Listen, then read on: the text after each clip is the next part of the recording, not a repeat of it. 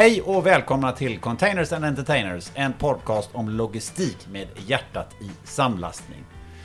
Med oss som vanligt så har vi Linus Alm, Peter Mike från Nordicon. Välkomna mina herrar. Tackar, tackar. Tackar, tackar. Äntligen tillbaka och spelar in. Vad vad har ni varit?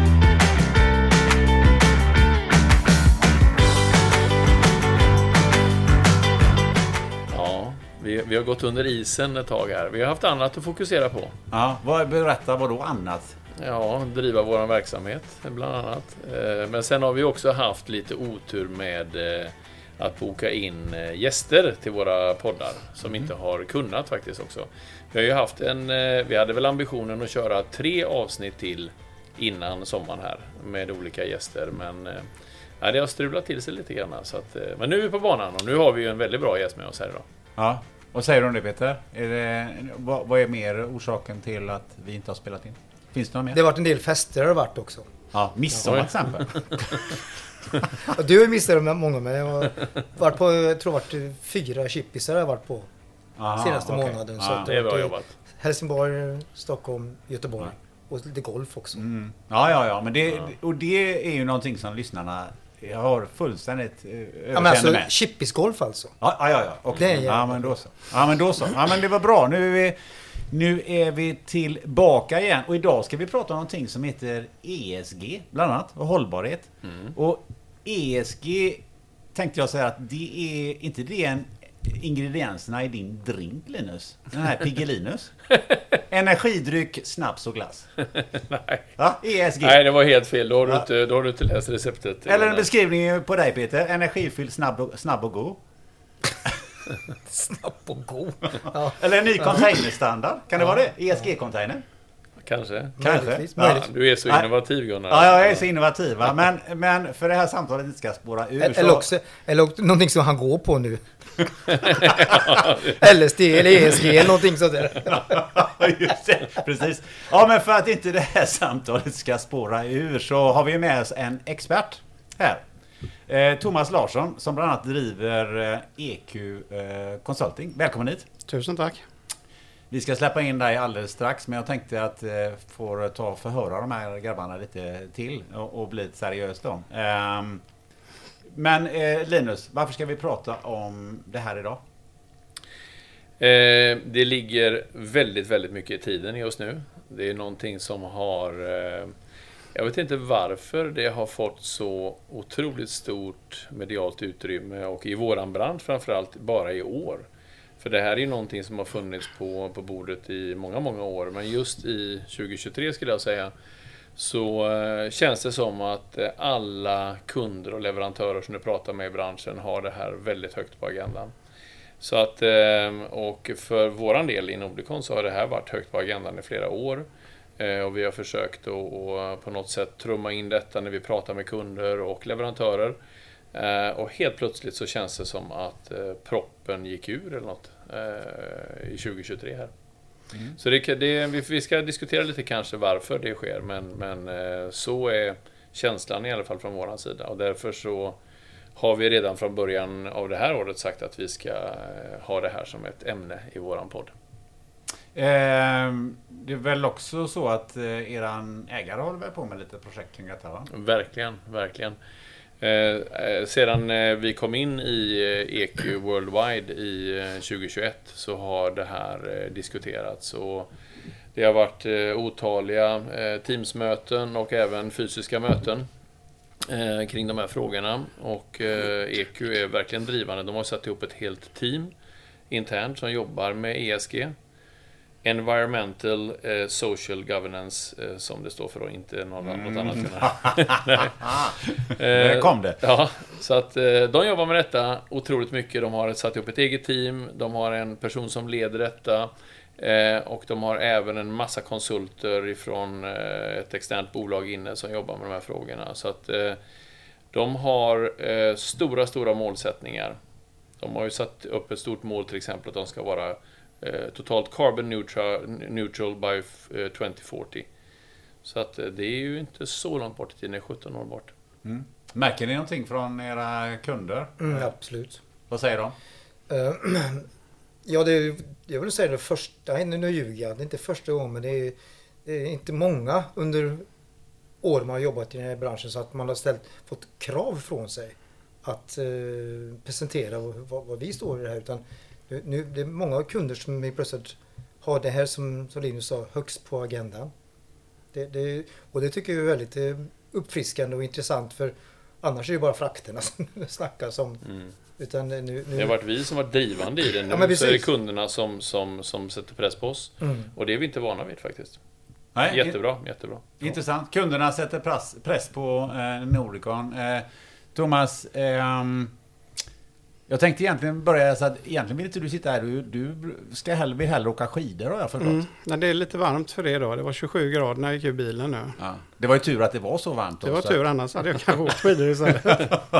Nej, men eh, berätta. Eh, vem är du och hur, hur kommer, kommer, du in i eh, den här, de här frågorna? Ja, alltså jag eh, har jobbat de sista, eller sista jag kan inte räkna baklänges, men sedan 2019 årsskiftet Eh, klev jag av mina tidigare tjänster där jag jobbade som VD i en bygg och fastighetskoncern i Göteborg. Och eh, skulle just åka väldigt mycket skidor. Det var anledningen till att jag slutade och, och sålde mina delar i, i verksamheten. Men sen kom det en pandemi emellan och den pandemin gjorde ju att man stängde ner stora delar av bergen där man kunde åka skidor. Så att, eh, jag tänkte jag får väl hitta på någonting att göra även eh, utan skidor på fötterna. Och då började jag med att starta upp mitt bolag EQ som skulle vara ett rent konsultbolag som egentligen skulle syssla med eh, medarbetarengagemang, motivation, hur man dödar engagemang i en personal och hur man skapar engagemang och så vidare började föreläsa lite om sånt. Eh, men sen eh, tog en, en kille kontakt med mig som skulle starta ett nytt certifieringsorgan och frågade mig, skulle inte du kunna tänka dig att jobba för mig? Han hade hört, men vi föreläste på samma dag. Uh, och jag kände liksom, nej det och lapplisa det blir jag inte liksom. Uh, utan uh, det där med ISO det är inga kul grejer. Men så förklarade han sedan hur han skulle starta ett nytt bolag som skulle titta på hur man skulle kunna skapa affärsvärde för kunder, eh, hur man skulle kunna få det till någonting annat än en, pappersprodukt. Hur man skulle kunna få med personal i det. Det var därifrån vi skulle göra revisioner. Hur fick ni kontakt med varandra? Ja, eh, på den vägen eh, så att säga. Nordicon har ju varit eh, eh certifierade sedan 2012 med 14 000. Så att vi har jobbat med det här med miljö i många, många, många år. Och vi hade ju faktiskt ett annat certifieringsorgan innan. Men sen så kom vi i kontakt med Thomas och egentligen också via ett, ett, Eh, ett IT-system som vi köpte eh, av anledningen för att arbeta med eh, Ursprungsanledningen var egentligen en intern personalhandbok för personalen. Och utifrån det sen så växte möjligheterna med att i princip ha detta som ett affärssystem för verksamheten. Och sen skulle vi certifiera oss och då kom Thomas in i bilden här. Är det inte så här att det här med ISO 14000, så här, det är någon sorts checklista som man bockar av så blir man certifierad. Vad är, vad är så att säga nästa steg? Eller räcker det inte med 14 000 och så är man, så, så är man hållbar. Alltså allting beror ju på vad man vill uppnå med det. Om, om, om man utgår ifrån att man behöver sina certifikat på grund av upphandlingar till exempel. Då räcker det. Eh, men man kommer inte ha mycket större nytta än att kunna visa certifikatet på väggen i någon fräck konferenslokal eller något sånt där. Du kan ha naturligtvis lite dekaler på företagsbilar och sånt där som talar om det. Men affärsnyttan kommer först när man ser på det här med lite större ögon. Liksom att vad är det här egentligen? Att man inte bara tittar på compliance. Liksom, vad är det vi, vi identifierar något och så ska vi försöka minska det och så är det någon på ett kontor som sitter och jobbar med det här och så en gång per år så tar man fram statistik för då kommer det en revisor och ska se det här. Resten av 12 månader så händer ingenting i systemet om man istället tar ett större grepp om det. Vi, vi, är i en bransch som de branscherna vi pratar om här som har en enorm klimatpåverkan. Eh, om man skulle försöka titta på någonting där vi skulle kunna göra skillnad, även om det är baby steps i början, så är baby steps en otroligt mycket större påverkan eh, om man hittar rätt grejer än att ni vänder på papperna i en kopieringsmaskin. Det är också miljöpåverkan, men den, den påverkar inte jättemycket hur snabbt det smälter på Arktis. Utan snarare vända sig till den branschen man är i och se vad skulle vi kunna göra? Är det någonting vi vill förknippade med som varumärke? Ska man per automatik tänka på i Nordicons fall, Nordicon, mm, det är någonting med hållbarhet som klingar där. Jag vet inte riktigt vad det är, men det är en igenkännighetsfaktor. Då är plötsligt börjar man få en helt annan utväxling av det. men då kommer ju, det är ett betydligt mycket större arbete. Det, alltså det krävs att du dels från managements sida har fattat ett beslut om varför gör vi det här. Vi vill göra ett statement, vi vill vara annorlunda. Men det kräver även en 100% involvering av medarbetare. För det är medarbetare som träffar kund. Det är medarbetare som är ute där det händer. De måste veta och känna till vad är det vi vill uppnå med detta. Alltså ett varför. Varför ska vi hålla på med det här överhuvudtaget? Innan vi går vidare på det, vi, vi nämnde ju ESG och eh, Linus förklarade så förtjänstfullt vad det egentligen innebär att inte, det inte var ingredienserna i din drink. Men om vi, om vi bara fördjupar oss lite snabbt i vad, vad, vad innebär den här förkortningen och hur så att säga hur fungerar den i, i samband med uttryck hållbarhet och det finns ju eh, CSR och det finns en massa andra eh, förkortningar och, och, och lite olika typer eh, att, att mäta och se på det här. Kan du inte bara ge oss en liten sån här hint om eh, vad, vad det här handlar om? Men alltså det, det finns ju ofta när jag föreläser om hållbarhet så brukar jag inleda med att, fråga folk och så får de slå på en sån här mentimeter som är så fräck att göra i telefonen. Nämn tre ord ni tänker på när jag säger hållbarhet. Och, det som kom, och då kommer det ut ordmoln lite fräckt uppe på den här projektorn. Och i mitten så kommer ju det folk har sagt mest. Och där står det Greta Thunberg. Det står isbjörnar, det står Arktis. Allting handlar bara om miljö.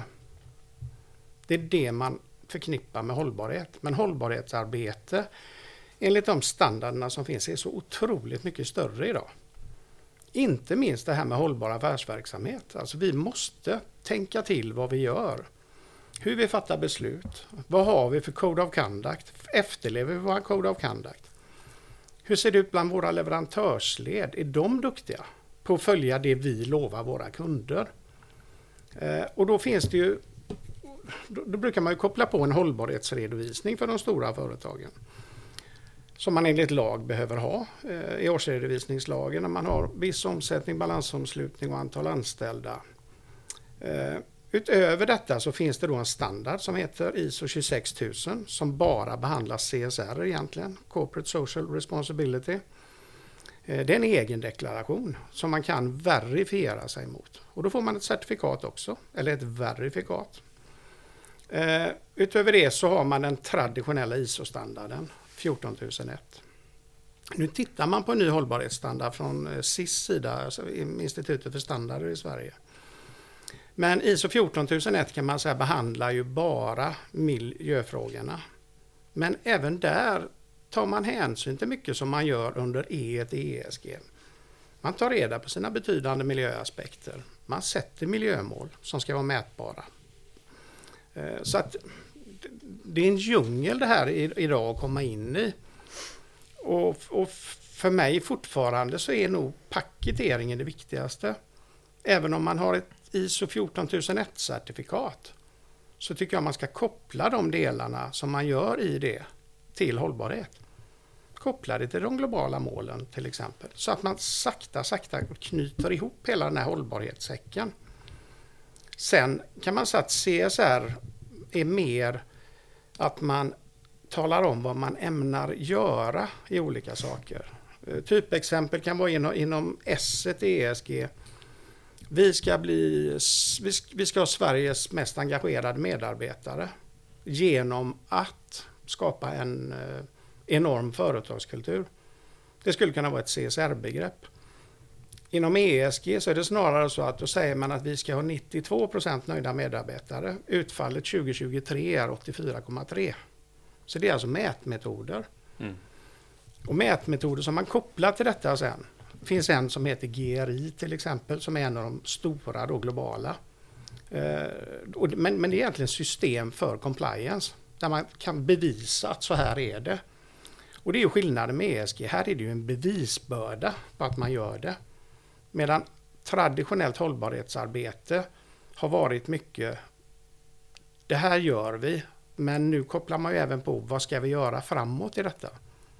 Det är den stora delen som kommer nu. Det, det räcker liksom inte med att redovisa, men vi har de här CO2-avtrycken. Okej, vad ska ni göra åt det? Det är ju den nya delen som kommer i det nu. Vad, vad tror ni, Peter och Linus, om ni skulle eh, ställa samma fråga som, som eh, Thomas eh, ställde till eh, sina eh, åhörare vid föredrag. Och, och vad, vad skulle hamna i ordmolnet då? Skulle det se ut ungefär likadant?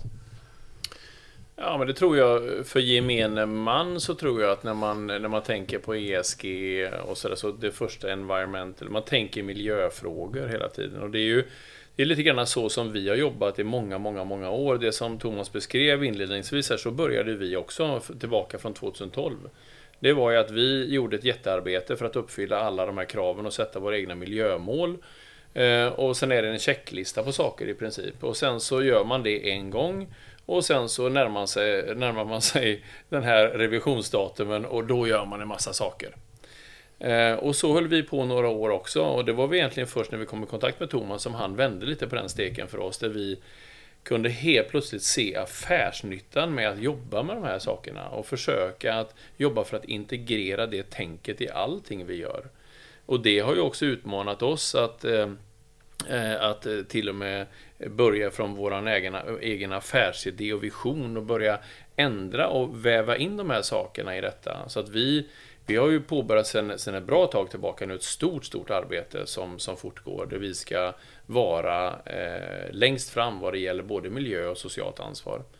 Så att, eh, och vi ska, se, vi ska också eh, påvisa vad affärsnyttan med det är. Och- det, så jag tror någonstans att det, det här är en lång, det här är en process och det är det för alla företag.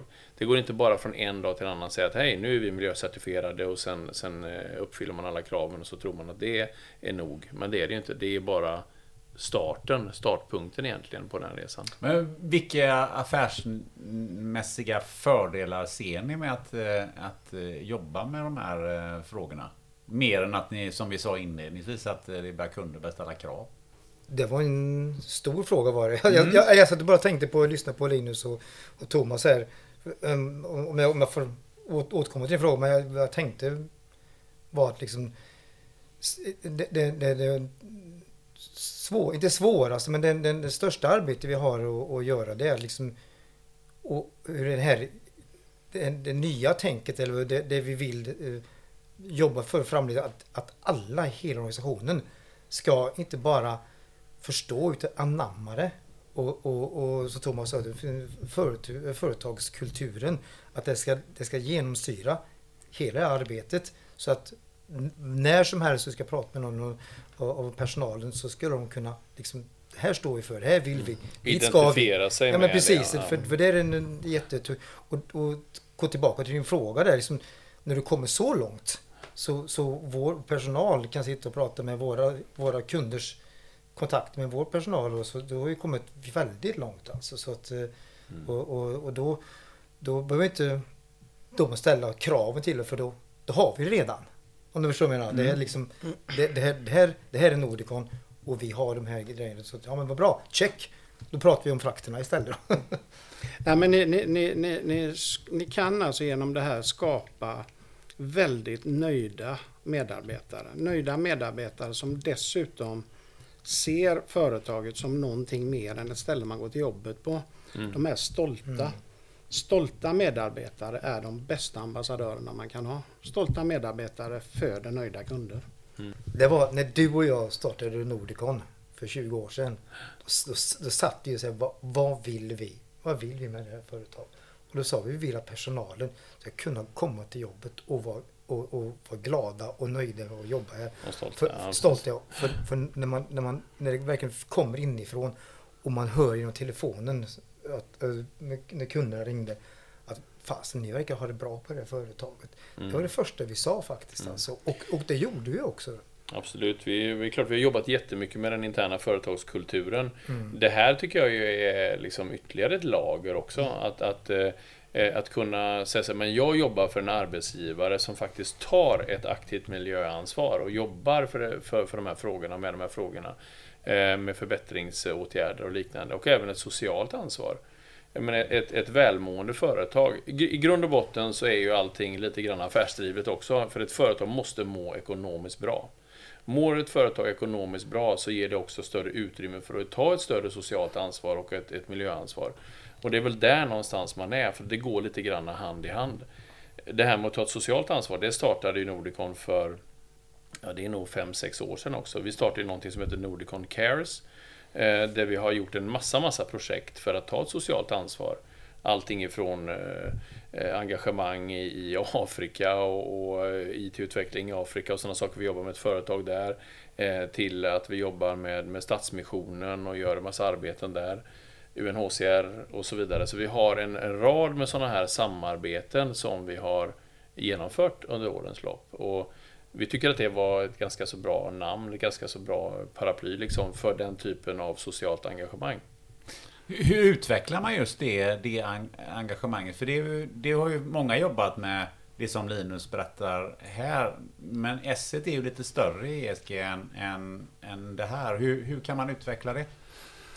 Alltså, det finns många sätt som man kan utveckla det på. Eh, det, det man... Jag gjorde själv en, eller själv, vi som ledde mina gamla bolag gjorde en enorm resa som egentligen började som en beteendeutvecklingsresa. Mycket på grund av att branschen som då var bygg var en ganska utskälld bransch ute. Och det låg säkert ingen rök utan eld men det var smutsiga personer som aldrig kom i tid och så vidare. Och jag kände att den typen av personal hade inte vi riktigt i våra bolag. Eh, så att eh, vi gjorde helt enkelt så att vi gick ut och frågade våra största kunder. Inte kunder som vi rakt av räknade hem jobb på utan som vi hade fasta ramavtal med. Eh, vad är anledningen till att ni köper av oss? Gång på gång på gång. Eh, och när vi hade gjort några sådana här stora A-kunder så började bilden bli ganska tydlig. Det handlade inte om hur vi byggde hus. Eller hur väl färgen täckte en vägg. Allt sånt var, det var reglerat i avtal. Det fick du en anmärkning på om det inte var klart. Utan de köpte utav oss på grund av att vi hade socialt kompetenta medarbetare.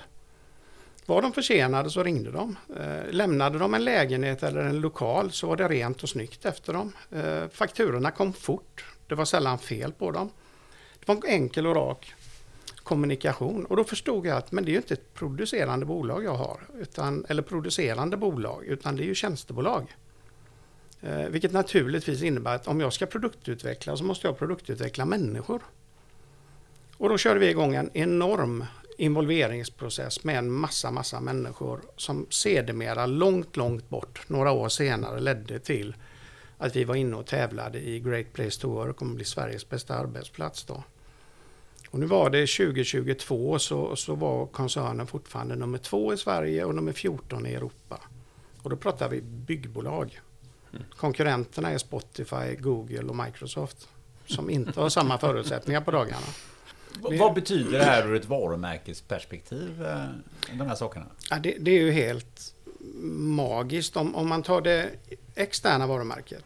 Så när, när bolaget hade kommit upp och hade en, eh, en medarbetarnöjdhet på över 95 procent eh, nöjda medarbetare så körde jag en ny runda och frågade kunder liksom. Eh, för vi, vi körde aldrig enkäter på våra kunder utan vi, vi intervjuade dem, försökte lägga lite tid på det.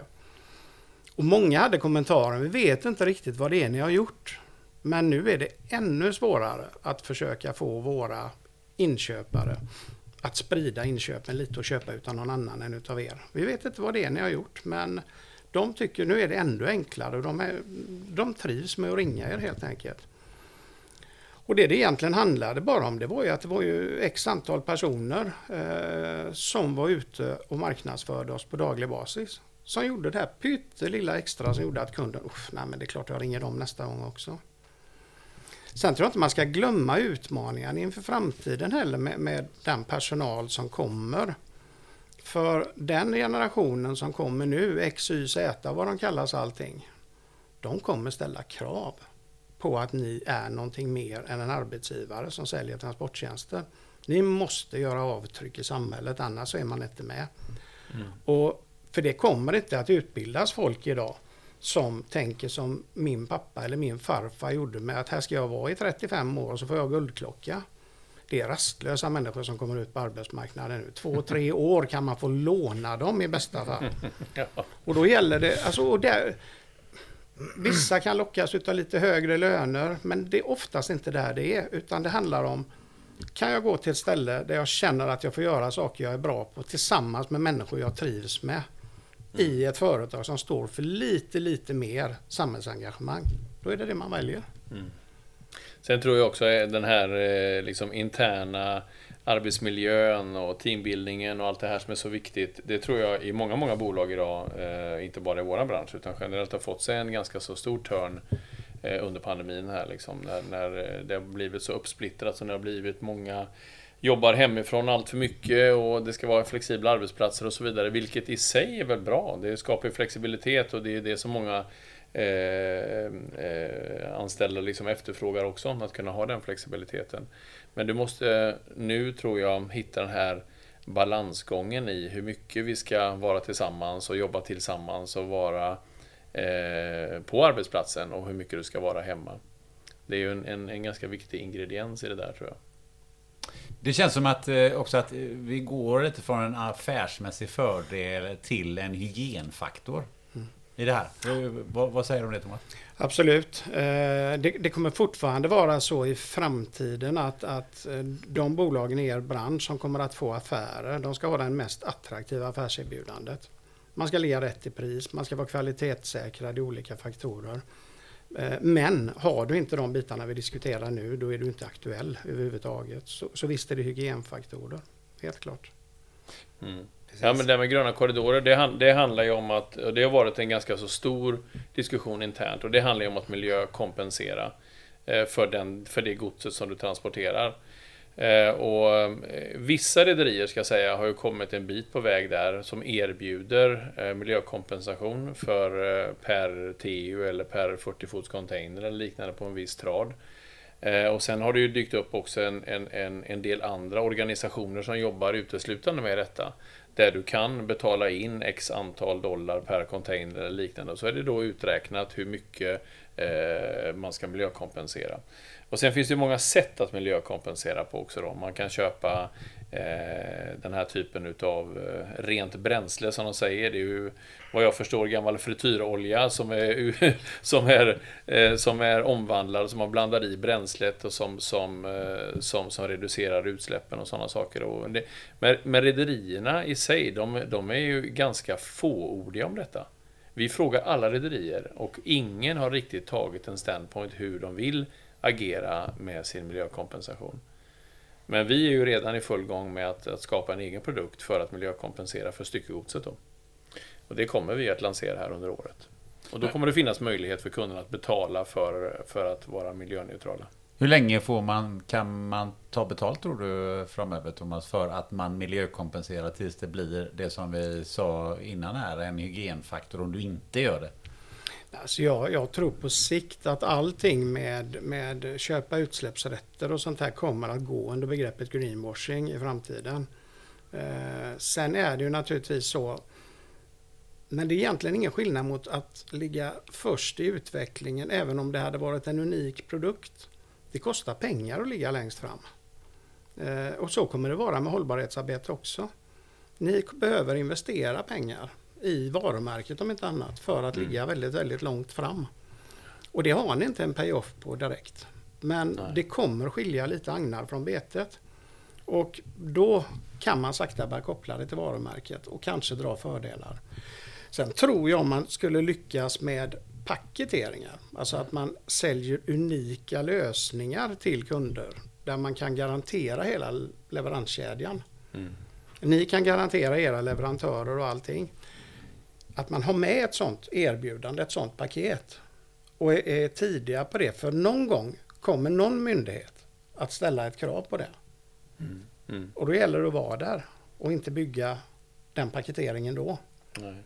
Men ni har ju nämnt det här, du nämnde ju rederierna där. Mm. Eh, eh, Linus. Eh, Om vi bara lyfter lite. Vad, hur ser det ut i transport och logistikbranschen? Hur långt fram är man? Frityrolja och lite annat smått och gott kan man Ja. blanda i för att betala lite extra betalt. Men, men vad, Jag vad, tycker hur, de är väldigt fåordiga, rederierna, som detta. För det är väldigt många som säger att vi håller på att diskutera frågan, men om du försöker att läsa på vad de har kommit ut med, det är inte, det är inte väldigt mycket fakta som de kommer ut med. Det, eh, tillbaka i tiden så började, för några år sedan tillbaka, så var det ju de här kraven om att alla, alla oceanbåtarna skulle ha sådana här scrubbers och så vidare. Men, men hur tar du nästa steg i att, att, att 100% miljökompensera? Det, den frågan har mig veterligen inte alla rederier rätt ut ännu. Har du någon input på det Thomas? Nej. Det har jag inte. Och ett av de stora bekymren fortfarande det är ju den omättliga konsumtionen som sker hela tiden som inte minst vi i Sverige är fruktansvärt. Vi ligger nog världsledande på vår konsumtion, inte minst med tanke på e-handeln idag. Liksom, det är ju något kopiöst vad det handlas grejer. Mm. Eh, och, och, men någon gång hoppas man väl att även där ute, för det är ju det som är kunderna till slut. Det är kunderna som ska se nyttan i det här. Och när kunderna väl börjar förstå att det kan inte gå så fort att få över varor från Kina. Det kanske inte alltid är värt att ha grejer därifrån.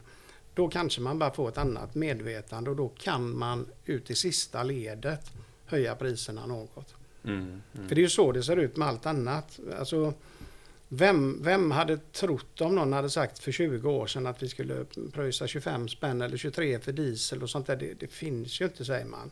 Det kommer ju aldrig att gå. Men sakta så anpassar ju ett samhälle. Mm. Mm. Vi håller på att anpassa oss till räntor och höga elpriser för tillfället. Om ett år så pratar man inte mer om det. Man, man är inne i det liksom. Det, det är ju väldigt, väldigt positivt, det är klart, när eh, företagens lönsamhet och eh, eh, positiva miljöeffekter går hand i hand. Men det gör de ju ganska sällan. Eh, men det är ju de här sakerna som vi har vänt och vritt på när det gäller miljöaspekten för våran samlastning till exempel. Och att försöka att arbeta med mera direktsamlastning och fylla enheterna på ett bättre sätt och mindre eh, eh gods på väg och mera på sjö och så vidare. Det, eller ta från flyget gärna eh, till, till järnväg som det var förr eller till sjö. Det är ju en positiv effekt såklart och vi tittar ju på den typen av utvecklingar istället. Vi tittar, så nu startar vi en trafik, en sjötrafik, samlasttrafik ifrån eh, Turkiet som är en traditionell bilmarknad. Och där går det ju hur mycket trailer som helst eh, norrgående från Turkiet upp. Eh, och nu så lanserar vi Istanbul och Göteborg direkt då med sjö. Och det får ju en otrolig eh, miljöaspekt liksom. Men det är bara ett ben. Men, men om du gör detta i en större skala så får du effekt liksom. I- Innan vi lämnar det här, hur mycket osund konkurrens finns det fortfarande? För jag menar, ni, ni är jätteduktiga på, på S i, i, i den sociala hållbarheten och med, med, med, med det gäller människor och, och hur ni jobbar och, eh, och allting runt omkring det. Finns det liksom företag i den här branschen lite bredare sett, som, som fortfarande jobbar med, med lågbetald arbetskraft som man kanske utnyttjar och, och så vidare? Fin, finns det Alltså, hur, hur ser det ut? För det, i slutändan så, så kostar ju det också, alltså det är ju avgörande på priset. Vad, vad säger du om det Thomas, om de tankarna? Där, där kan jag inte svara specifikt för transportbranschen. Däremot ser jag ju på andra branscher som jag antingen hjälper som konsult eller som jag är inne som revisor för ISO-standarder. Att eh, vi är exceptionellt dåliga fortfarande på att ha kontroll över hur det ser ut där ute. Och det som är lite hemskt är att det är ofta vid stora statliga projekt som det springer svart arbetskraft och dylikt. Som då är ett leverantörsled ner. Så kontrollen är extremt dålig. Mm. Eh, Men går inte det lite hand i hand också med att det här kommer upp högre på agendan, det kommer verkligen upp på bordet. Då måste ju de kunderna ställa krav på sina leverantörer och verkligen också kanske gå den där extra, eh, ta det där extra steget för att faktiskt gräva lite grann i detta. Och som svar på din fråga Gunnar, så ja, det gör det ju. Det finns ju väldigt många oseriösa aktörer inom hela transportlogistikbranschen, det gör det absolut. Eh, och enda sättet egentligen att tvätta rent det, det är ju att de som är kunder eh, ställer krav på sina leverantörer och inte bara ställer krav utan också faktiskt gräver lite djupare och undersöker om det finns några oegentligheter. Eh, annars så ska man ju inte använda dem som leverantör. Ja, landar vi inte lite grann där Thomas i det här som du nämnde alldeles nyss? Eh, att vi med e-handeln och vi är förbannade om t-shirten kostar mer än 49,90. Mm. Jo men det, det är ju där det kommer att landa. Men sen, sen tror jag man ska vara förberedd också för när man väl branschmässigt bestämmer sig för att sätta ett krav så går det väldigt, väldigt fort. Mm. Jag har sett det i en annan eh, industri nu i, i Sverige där man helt plötsligt blev stenhård på att man skulle ha koll på varenda skruv som en produkt innehöll. Tillbaka, var det tillverkat i Turkiet, vad har de för mänskliga rättigheter och så vidare. Då blir du utesluten mm. från de större upphandlingarna om du inte har det och då ska alla mm. sätta igång samtidigt med det. Så att när väl en bransch omfattas av en sån här utökning av krav, då går det ruskigt fort sen. Mm, mm. Och då är det så dags att börja med det. Då kan man glömma det här med att koppla varumärke och se affärsmöjligheter i det. Då är det hygien. Vi måste bara göra det.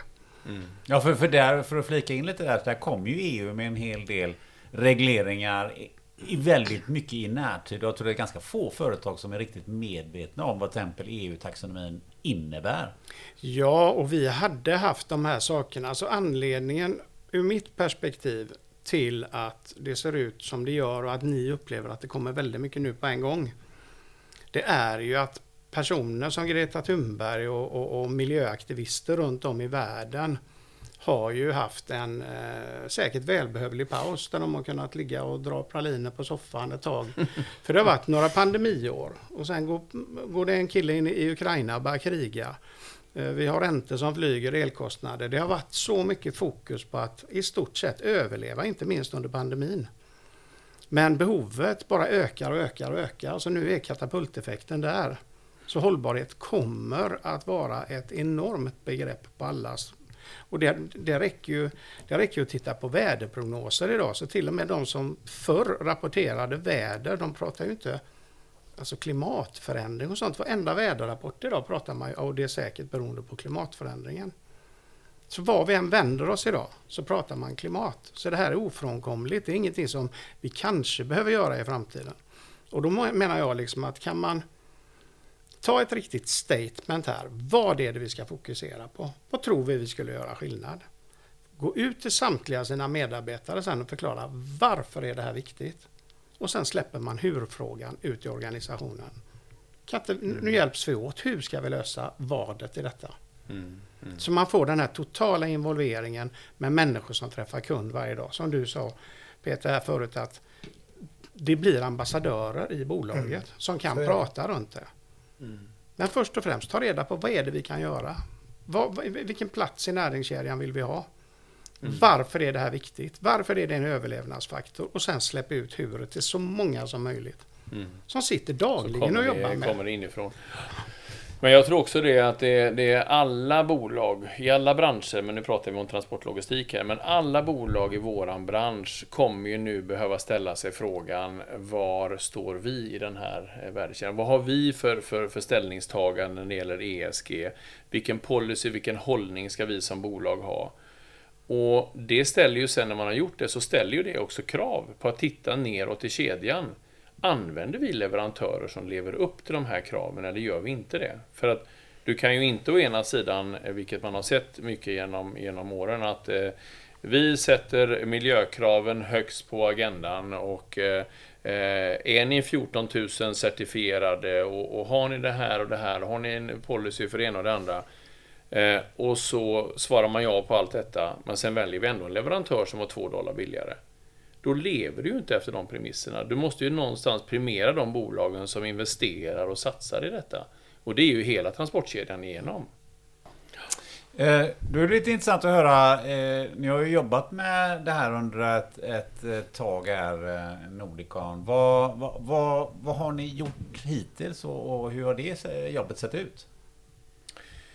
Ehm, ja, hittills, eh, vi har ju som du säger, vi har jobbat med det här i många, många år och ehm, eh, bortsett från att vi har jobbat med våra egna miljömål och, och eh, så att säga städa internt, utbilda vår personal, ställa krav på våra leverantörer, så jobbar vi ju numera mycket mer fokuserat med att förfina våran produkt. Då. Hitta vägar fram för att kunna transportera eh, och miljökompensera för dina transporter till exempel. Då eh, kunna beräkna internt eh, dina CO2-utsläpp på, på ett enkelt sätt och på ett bra sätt. Vi håller på, vi har ju haft den kalkylatorn i många, många år till exempel, men nu jobbar vi ju tillsammans med EQ här om att eh, uppgradera den. Och det kommer ju säkert komma, om inte i slutet på det här året, så i början på nästa skulle jag tro. Eh, så att eh, vi, och sen så jobbar vi mycket med det sociala ansvaret, att vi följer lagar och regler, att vi liksom eh, städar verkligen i de leden där och ser att vi, vi lever upp till alla de, de kraven som ställs på oss. Och sen så det flödar en massa, massa idéer också när det gäller det här sociala ansvaret, hur vi kan vara en, en, en arbetsgivare som, som finns i någon form av värdekedja där vi tar ett, ett socialt ansvar också på något sätt. Då. Så vi kommer ju eh, rulla ut en, en eh, massa nyheter kan man säga under, under hösten och eh, framgent också. Du nämnde det här med kalkylator. Jag vet att Peter har du jobbat med under en ganska lång tid. Det här är ju inget nytt i sig. Men har ni, har ni, har ni, kommer ni jobba om den eller hur kommer det att se ut framöver? Själva emissionskalkylatorn. Ja, mm. Ehm, nej, det kommer inte göra, vi kommer inte göra om den. Utan det är så Linus sa att, att uh, Ecu centralt håller på och, och jobbar upp någonting globalt. ehm, som vi kommer ehm, hänga på helt enkelt. Alltså. Ja. Så, vi, så vi kommer inte ha kvar våran som, som vi byggt sedan tidigare. Det var liksom en intern kalkylator. Men för att jobba med, med eh, en sån miljökalkylator, det måste fortfarande vara svårt att göra det heltäckande. Alltså hur vet man hur en inrikesdragning i, i. Malaysia, eh, eh, hur mycket CO2 det släpper ut, vilken bil Mm. det är och så vidare. Hur, hur, hur gör man Peter? Hur man bygger en emissionskalkylator? Nej, det är ju inte riktigt det jag vill. Nej, men det är liksom Jo, men- ja, men det- det- utmaningen med Jo men det är klart det är. Det är alltså, vi, vi, vi är ju, när vi byggde våran, då vi tog en extern hjälp självklart. Eh, Men vi har suttit tillsammans med, med det andra bolaget och byggt upp det här. Och, och då har vi diskuterat, okej hur, hur går det med, med bil till de olika städerna i Sverige? Eller hur går det med, med, med, med, med färja från Göteborg till eh, Hamburg? Vad är det för, eh, vad är för eh, bränslen och, och hur mycket, ja, Avstånd och fraktvikt kan man säga är grundläggande och sen så får du, måste du ta reda på den leverantören, den fraktbäraren som du använder, vad de har för, för, för fartyg eller, eller eh, fordon och hur mycket de släpper ut och, och så vidare. Så får du beräkna det på avstånd och, och, eh, och fraktvikt Det egentligen. måste vara rus- ruskigt detaljarbete. Ja men det är det ju. Det är en Jättemycket var det. enorm... Alltså, och då fick vi verkligen... Det var liksom, jaha, tåg. Nu ska vi ta en eh, emissionskalkylator för tåg från Kina till, till, till Göteborg säger vi då. Jättemånga olika delar. Hur, hur godset kommer fram. Och, och då liksom, ja men det går ju, tåg går ju på, på el. Gör det verkligen det? Så kollar vi på, på kartor och så liksom, det fanns ingen elledning någonstans. Så det, det, det stämde ju inte. Det går ju på diesellok. Så fick man ta första delen i Kina med el och sen kom det Kazakstan, då var det diesel och sen kom det på el igen, det kom till Ryssland. Så, att- så att det, det är ett, ett pussel alltså. Så det är ett Det jättejobb. blir ju väldigt schablonbaserat när du bygger sådana är klart det kalkylatorer. blir. Men, Det är klart. men nu så har ju eh, EQ driver ju den här frågan och har eh, anlitat eh, otroligt bra eh, externa konsulter för detta. Så att den frågan, jag tror att de kommer nog komma med en produkt som är så bra som den kan bli, tror jag. Mm. Ja, man blir ju rätt nyfiken Thomas. Alltså, jag tänker på, ja, den, det gick på el. Ja, men man, vilken el är det? Vad, hur, vilka, hur produceras den elen Elproducerad. är i, i Kina? Hur många delar är det? Är det kol eller vad är det från? Alltså hur, hur gör man sånt egentligen? Nej, men alltså det är ju det här som är det komplexa. Eh, Själv kör jag hel-elbil och det är ju bra i Sverige. Men det är ju inget bra i Kina och där finns det flest elbilar. Men, men liksom, eh, alltså någonstans, debatterna är väldigt onyanserade och har varit de sista åren. Utan det är det som gäller, det ska vi göra. Men förutsättningarna är totalt olika. Precis som ni säger, hämtar vi, ja första delen kan det väl gå på el men sen genom Sibirien eller någonting så kör man den på, på, på ett diesellok. Liksom. Det är extremt komplicerat. Fortfarande så kan ju ni bara göra det som ni kan påverka. Mm. Och det är ju det jag tror blir så viktigt när man jobbar med ESG och CSR och hållbarhet. Att man identifierar var någonstans skulle vi kunna göra skillnad. Mm. Som inte bara är en pappersprodukt. Det faller ju tillbaka lite grann på de här EUs, eller vad säger FNs eh, miljömål, de här 17 miljömålen. Globala liksom, målen, ja. globala målen. Att börja där någonstans. Så vi kanske inte ska jobba med de här 17 globala målen, utan vi kanske ska identifiera fem stycken som, som är väldigt hårt eller nära relaterat till vår verksamhet, det vi tycker att vi kan påverka. Och det är en del i det här miljöarbetet, att göra liksom, du trattar ner det till det som är mest relevant för våran, våran verksamhet helt enkelt. Jag tänkte Thomas, vad, vad, skulle du vilja upp på dagordningen på de här mötena som, som man säkerligen har här på Nordicon med, med ganska jämna avstånd misstänker jag för att, för att följa upp och för att utveckla det här arbetet? Jag vet att du har pratat lite grann om innovation bland annat. Ja, alltså ofta gör man ju det väldigt svårt för sig själv. För man ska komma på allting själv. Man har en duktig eh, anställd person som ska jobba med miljöarbete och någon med arbetsmiljö och sådär. Men svaren sitter ju ofta där ute. Mm. Kunden sitter ofta på mycket svar och medarbetarna sitter på otroligt mycket svar. Eh, om man ska ta ett riktigt omtag inför framtiden vad gäller hållbarhetsarbete, varför till exempel inte skapa en innovationsgrupp i ett bolag? Där man har med, alltså det, där man verkligen ser till att få in mångfalden i den gruppen. Mm. Så att det respekt, äh, representerar alla delar i verksamheten. Eh, för att få in, hur skulle vi kunna jobba? Det här låter super crazy. Galna idéer kommer fram, men någon liten utav hundra idéer kan vara the shit liksom. Den mm. nyper vi. Det, det, det, där var en bra grej. Mm. Eh, jag skulle vilja ha med i en agenda vid när man gör ett, ett nytt nuläge just att man tar reda på nuläget och att man då utgår ifrån perspektiven. Eh, det här med löken. Vad gör vi detta för? Varför gör vi det här? Är det bara för att någonting har hänt eller att för att det är lagkrav eller kundkrav? Eller är vi så jäkla duktiga så vi kan se goodwill-effekterna utav detta? Och kan man göra det, ja, men då ska det in i visioner, affärsidéer, missioner och så vidare. Men då måste det ut också, att alla är delaktiga. Löken ska, måste du förklara tror jag. Eh, du, du sa den innan vi började spela in, så du får förklara, förklara löken för de som har lyssnat. Ja, nej men löken är ju det är, det är alltså ett sätt på hur vi fattar beslut generellt sett eh, som människor. Och, och, när det gäller saker som eh, miljö och framförallt kanske S-delen med arbetsmiljö och sånt. Eh, då är det oftast att den innersta kärnan som alla tar hand om det är om det har hänt någonting. Säg att det har hänt ett dödsolycka på arbetsplatsen. Då måste man göra någonting. Nästa lager på löken, det är för att vi vill följa lagar och krav. Det är ju dyrt som fasen om vi inte gör det. Och den tredje delen i det, det är att kunderna helt plötsligt börjar ställa krav. Ni ska vara certifierade i miljö till exempel, eller i arbetsmiljö. Vi måste göra det för kundkraven. Men sen kan man tänka lite utanför det här. Man kan bara sitta, men det här, det här klingar gott med vårt varumärke. Vi kanske, vi kanske blir självrekryterande på personal. Vi mm. kanske mm. behåller våra talanger och, och, kan attrahera nya talanger. Låna dem lite längre? Låna dem lite längre, ja. Mm. De här rastlösa människorna. Få låna dem en stund till liksom. Så att där tror jag det är viktigt att man tittar på vilket perspektiv gör vi detta på. Och sen säger inte jag att det är fel, att, även om man är inne i kärnan med att följa lagar och andra krav. Mm. Men det är viktigt att man identifierar vilka är vi, vad kommer vi kunna stå för? För att sen väva in det i mission och vision så att det blir trovärdigt. Mm.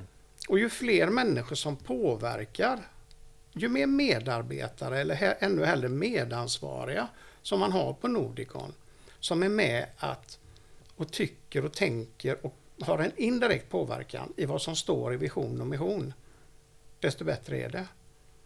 För då spelar det ingen roll vem du pratar med på Nordicon. Så kommer du märka per automatik, det här är kulturen i bolaget. Mm.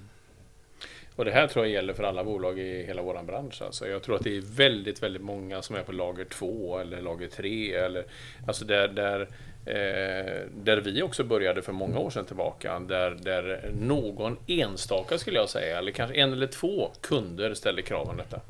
Vi kan inte jobba med er om inte ni är ISO-certifierade 14 000 till exempel. Nähä, okej, okay, då kanske vi skulle göra det då. Och så börjar man ju. Tills du liksom kommer till lager 3, lager 4, lager 5 när du ser affärsnyttan i det och när du ser att men herregud, det här kan ju vara det här kan ju vara riktigt, riktigt bra för vårt bolag. Att vi jobbar med de här frågorna, jobbar på det här sättet. På många, många sätt som du förklarar Thomas. Så där, där är jag tror att, att alla företag inom eh, transportbranschen har en resa att göra där. Du kan inte gå från, från lager 1 eller 2 till femman så här, utan jag tror att du måste igenom det här och det växer och växer och växer. Och mognad, mognad, mognaden växer, inte minst i ledningsgruppen, för att där, där vi hade många eh, personer som brann för de här frågorna i bolaget, men de kanske nödvändigtvis inte satt i ledningsgruppen. Så där kan jag säga, det var min största utmaning under många, många, många år, att få attention för de här frågorna i vår egen ledningsgrupp. Men när ledningsgruppen helt plötsligt också började se affärsnyttan med detta, då öppnade även de upp sig. Och då fick vi en helt annan diskussion i ledningsgruppen om de här frågorna. Mm.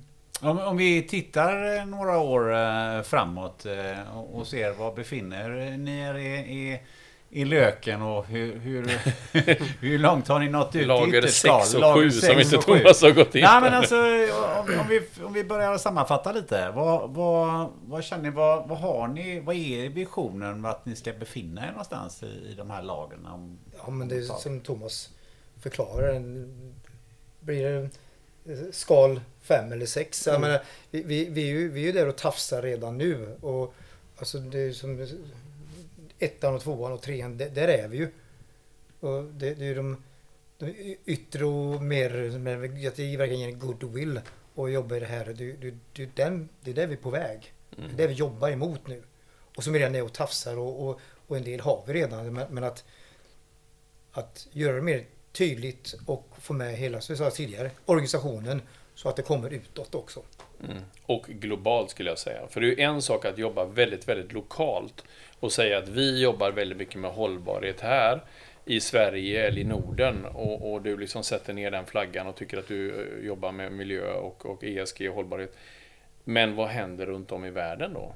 Våran styrka skulle jag säga detta, det är ju att vi jobbar med en, en, organisation med 380 kontor runt om i hela världen som sätter detta som prio ett skulle jag säga. De har lyft upp mm. den här frågan otroligt mycket och säger till och med att de ska vara då carbon neutral by 2040. Det är ett ganska så bold statement för ett samlastningsföretag globalt sett som jobbar med så många olika kulturer och länder. Så att, att, att, att haka på den resan för oss, det stärker ju även vårt varumärke här i Norden. Där jag tror många kommer att slita, för det blir lite ihåligt att sitta och säga att du gör det här och det här och det här. Men så fort ditt gods lämnar Sveriges gränser så är det ingen som följer det. Så att där tror jag är ett, ett, ett ganska så, eh, ska jag säga, en stor fördel för oss i alla fall inom samlastningen. Sen ser du, ju, du ser ju på många av de stora globala logistikföretagen hur de har bara flyttat upp den här frågan på agendan.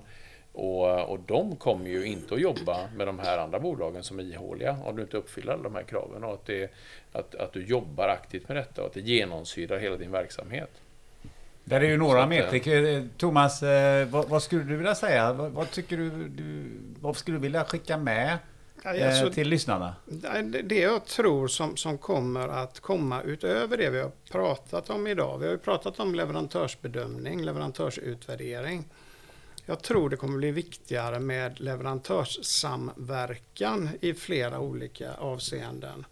Eh, jag tror det kommer bli vanligare med att ni skickar någon representant någon gång per år till era största leverantörer för att göra en typ av audit, alltså en revision av hur det funkar. Mm. Men vad som är än viktigare och där det egentligen börjar det är att ni bjuder in era viktigaste leverantörer i ert ledningssystem. Talar om så här gör vi, det är så här vi jobbar, det är detta vi lovar våra kunder och det förväntar vi oss att ni efterlever. Så att så fort det är nyheter i ett ledningssystem, eh, alltså bra leverantörssamverkan är ju egentligen när leverantören är lika mån om slutkunden som ni själva är som har sålt avtalet.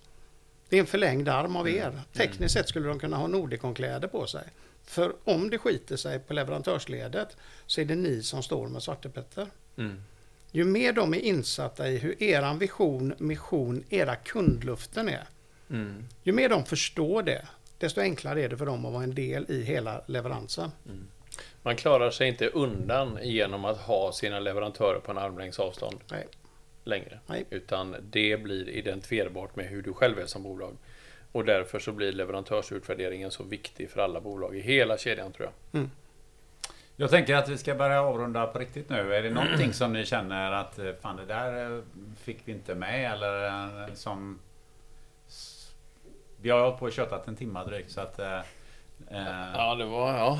Eh, nej, jag tycker vi har touchat väldigt många av de här frågorna och det, det, det känns kul att vi hade ett avsnitt om det här. Att vi pratar om det för att det här är en sån viktig fråga generellt sett och det här är någonting som som alla verkar ha fokus på just nu. Nej men, men då, då avrundar vi helt enkelt nu då. Mm. Alltså, så, Tycker som jag. vi brukar göra. Ja. Eh, Ja. Som man brukar... Du kommer med... så här- Sätt den inte så jävla långt från Ja, micken okej. Peter, Förlåt, för, förlåt. Ja, precis. Så. Det blir som du sa när det blir, nu ska det bli avslappnat, Ja. nu ska det bli gött, nu ska vi snacka ostkaka. Då jävlar, då lutar man sig tillbaka och grejar av sig. Ja. Nej men, eh, hörni, jag tycker att det har varit eh, oerhört intressant att få eh, vara en del i den här diskussionen. Jag tycker att det har framkommit väldigt många intressanta saker och eh, jag hoppas att ni som lyssnar eh, på det också känner det så. Eh, men det vi alla ställer oss frågan kring det är ju lite Linus och Peter. Hur, hur ESG-anpassar ni in i ert eget liv? Er familj? Vad har, hur har ni, vilka planer har ni där? Bra, vi källsorterar. Ni källsorterar, ja men det är väl jag bra. åker- Det har, ja, Herregud. precis. Jag åker ju till, eh, till tippen var och varannan gång och sorterar och ja, herregud vi sorterar hemma alltså. Jag har fyra olika kärl. Jag, innan jag kom hit idag så var jag nere här med flaskor och plast och hela bilen fullt med, med skit. Så att, ja. Och vad jag försöker därför att och försöker köpa mindre och mindre saker. Som säger att det är så mycket konsumtion där. Och jag, och jag, men min ålder så har man har det man behöver. Så jag säger nej, nu köper jag inte, men nu räcker det. Mm, för det lät ju, Thomas, det lät inget bra det där med att han åker till tippen typ eh, fyra gånger i veckan, eller vad han säger. Vadå? Är inte det fel? han- Ja, men, eh, Thomas, kan du förklara för honom varför man inte ska hålla på att åka till tippen? Hur kommer det sig att du åker till tippen? Va? Hur kommer det sig att du Du köper ju inte grejer gör du. Nej, nej, nej, nej. Det är klart man konsumerar en del saker. Det är oundvikligt kanske. Men det, det blir ju avfall. Och det avfallet måste du åka och sortera. Och det gör jag när jag ändå är på väg till mataffären, Gunnar. För att fylla på mer. Ja. Nej, men sen när jag, när jag handlar i mataffären så tänker jag väldigt mycket på förpackningar. Jag kan avstå och köpa någonting om det är för mycket plast och skit. Den typen. Ja, men man, man tänk, jag vet inte. Man har blivit lite mer och mer medveten under de senare åren. Jag vet inte varför. Men, eh, men jag tänker lite på sådana saker. Jag kan avstå vissa produkter på grund av någonting liksom. Och Ja, återvinningen är ju liksom en jag, sak. köper med inte, jag köper inte. Marabou chokladkaka nu till exempel efter det här med Ryssland. Är det, är det bra, Thomas? Är det, är det, är Ja, det, Ja, det det- kanske inte är så miljö. Nej, men alltså vill det in- inom socialt tycker jag nog att det, det är bra. Eh, absolut. Det är, eh, och det är ju precis det här vi pratade om. Eh, det var ju omöjligt att bannlysa ett företag för 20 år sedan. Mm. Idag sker det över en natt. Det räcker att någon går in och säger Marabou har fortsatt att sälja i Ryssland. Stopp. Ja. Men Så Linus, så det är får ju... Då står du där i chokladhyllan och så väljer du Fazer istället. Liksom. Ja, det Mm. Gör men man så ju. fort går det. Alltså. Ja, men det var ju himla tur att det inte var chips det var frågan om. Ja. Estrella hade blivit Estrella. Ja, Ja, men hade det varit istället hade jag gått över till OLV bara. Så det är... ja, det var Oj, alltid... Det var och jag alltid bara tillverk, eh, tillföra att eh, det finns andra sorters chips också. ja, knappast, men ja, visst. Men eh, ett succémoment vi har i, i den här podden, det är ju lite olika typer av rekommendationer. Eh, och, och jag tänkte så att ni, nu ska ni få eh, fritt rekommendera lite. Jag vet ju ungefär vilken genre ni brukar hamna i. Men, men jag tänkte att eftersom jag har förberett dig eh, på, eh, på detta eh, Thomas, så tänkte jag, så, eftersom du är gäst, så tänkte jag att vi börjar med dig. Har du någon riktigt bra rekommendation? Ja, alltså jag tänkte på det när jag körde ner hit, men, men eh, sen rann det ut i sanden. Men, men om jag bara ska ta något på volley så är det för er som åker utförsåkning, sluta åk sakta. Det är då man gör sig illa. Det är väldigt, väldigt sällan du skadar dig om du åker skidor fort. Men det kanske skadar andra? Om du åker för fort? Då åker du på andra. Och det är ju inte att rekommendera. Men har du hygglig fart på skidorna, Åk fort, men inte för fort. Nej, då händer det sällan något. De flesta olyckor sker i transportsträckor och, och det är där korsband och sånt åker. det, det, det är när det går ganska sakta. Då får du de här vridskadorna. Kanon! Åk fort när ni åker Ja. utför. Vad, säger, vad kontrar du med där Peter? Vi- Ja, för en gångs skull har jag tänkt på det. för, för jag visste Oj. frågan skulle komma. Det gör jag ja, ja, Jo, nej, men, men jag tycker, jag har rekommenderat så mycket genom tiden så jag har inte så mycket kvar. Men så kom jag på en sak. Vertikalskära gräsmattan för de som har gräsmattor. Rekommenderas. Mm. Hur gör man det? Då har man en maskin Aha. som, som eh, skär sönder den gamla grässtrån eh, och uh, får luft i, i gräsmattan så att det blir mycket bättre. Är det bra alltså? Ja, faktiskt. Min gräsmatta den är helt gul just nu. Men det, Ja, ja, Ja, men det är en annan. det hade hjälpt inte det med hade inte vertikal. hjälpt att vertikalskära den kan jag säga. Ja, Okej. Men det kan jag rekommendera. Okej, Bra. vertikalskär gräsmattan. Det, nu, nu får du sista ordet där Linus i Ja. din rekommendation. Och det, här, det här tar jag också på volley. Alltså, den här Ja. har jag inte tänkt på. Men jag kan ju reflektera till vad har jag gjort den senaste veckan innan midsommar. Då hade jag en semestervecka och eh, vi spenderade den uppe i Trysil.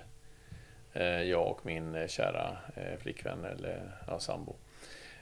Tillsammans med vår hund också. Vi var uppe där en vecka och vandrade i fjällen. Och innan vi åkte dit så åkte vi till en sportaffär och köpte vandringsskor och vandringskläder och till och med ett stormkök. Eh, och de finns ju, det är inte så här spritkök längre utan de har en liten, liten minigastub som du kopplar till. Jättesmidig var den. Och så kan man sätta sig ute i skogen eller högt upp på fjället och eh, steka eller grilla någon mat eller någonting. Kanonbra. Fantastiskt. Det, var, det är min rekommendation. Ja, Testa under- det. Underbart. Testa det. Testa det. Eh, Thomas Larsson, ett stort tack för att du ville komma hit och Tusen tack dela med dig tusen din tack. kunskap. Eh, Peter och Linus, stort tack eh, till er. Som Tack till dig vanligt. Gunnar. Varsågod. Och, och vad säger man mer då, Peter? Tackar, tackar. Mm, just det, precis. Och ett stort tack till er som har lyssnat. Så eh, hej och tack från Containers and Entertainers, en podcast om logistik med hjärtat i samlastning. Tack, tack. Tack. Gott och gött.